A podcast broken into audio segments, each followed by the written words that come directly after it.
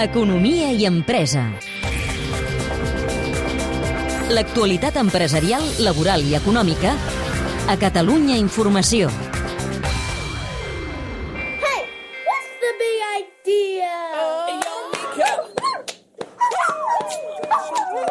El mercat de les mascotes suposa una gran oportunitat de negoci. L'Albert Icar, que havia treballat a l'empresa de pinços del seu avi, ha creat juntament amb dos joves d'Igualada la startup Kibus Pet Care. El seu producte estrella és una màquina que prepara menjar saludable per gossos i gats. Dit d'una altra manera, una espècie de Nespresso, però per animals.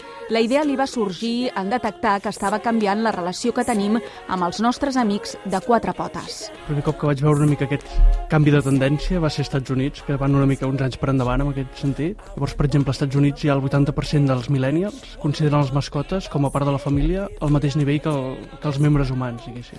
Llavors, una mica molts d'aquests pet parents, que els diuen, no? aquests pares de les mascotes, estan buscant alternatives a... Al final, si el, el gos o el gat són com un fill, un fill no l'alimentaries amb ultraprocessats tot el dia. El dispositiu de l'Albert permet donar aliments sense additius ni conservants als nostres gats i gossos d'una manera còmoda i automàtica.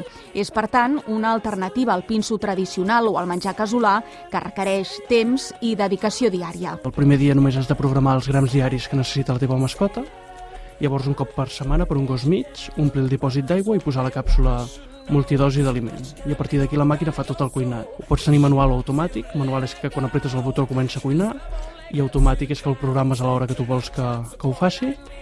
Llavors la màquina quan és hora de, de cuinar ho cuina i el bol surt automàticament i hi ha una música per avisar la mascota de que ja pot anar a menjar.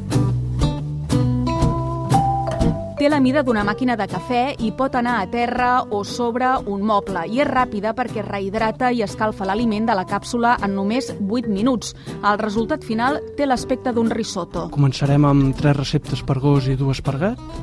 Per gos per cadell i adults i per gat també cadell i adult. I amb gos dos, diferents, dos sabors diferents per adult. Llavors, a partir d'aquí, la idea és anar ampliant segons edats a la mascota, tamanys, necessitats especials i sabors. Kibus ha rebut diversos premis a la innovació, a més de subvencions i el suport d'acció, entre altres inversors. L'empresa, que ha comptat amb la col·laboració d'enginyers i veterinaris, ha tardat dos anys a desenvolupar el dispositiu i la seva estrena al mercat, l'octubre de l'any passat, va ser sonada.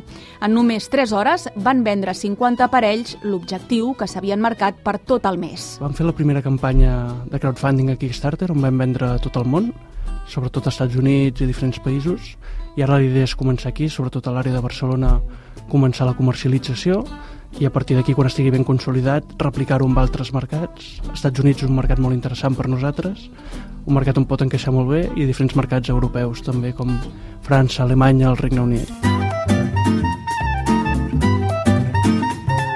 La màquina val 199 euros i les càpsules que duren entre una i tres setmanes en funció de la mida de l'animal, uns 15 euros.